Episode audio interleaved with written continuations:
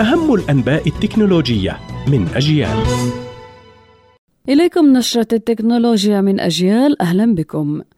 وزارة الاتصالات العراقية تحظر تطبيق التراسل الفوري تيليجرام بسبب مخاوف تتعلق بالأمن القومي وللحفاظ على سلامة البيانات الشخصية للمستخدمين.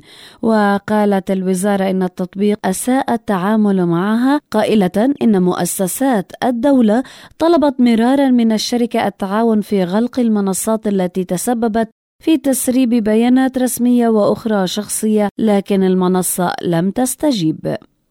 الجهاز اللوحي جالكسي تاب اس 9 بلس من سامسونج يلفت الانتباه كواحد من أفضل الأجهزة الذكية المحمولة وحصل الحاسب على هيكل أنيق ومتين مصنوع من المعدن والبلاستيك والألمنيوم مقاوم للماء والغبار. كما زودته سامسونج بكاميرا أساسية ثنائية العدسة بدقة 13 ميجا بكسل وأخرى أمامية بدقة 12 ميجا بكسل وبطارية بسعة 10000 ملي أمبير تعمل مع شاحن سريع باستطاعة 45 واط.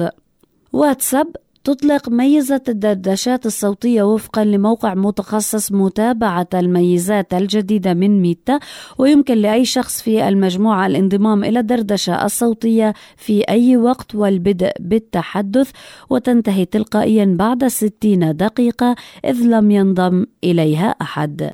هذا ما كان لدينا في نشرة أخبار التكنولوجيا من أجيال قرأتها عليكم ميسم البرغوثي. إلى اللقاء.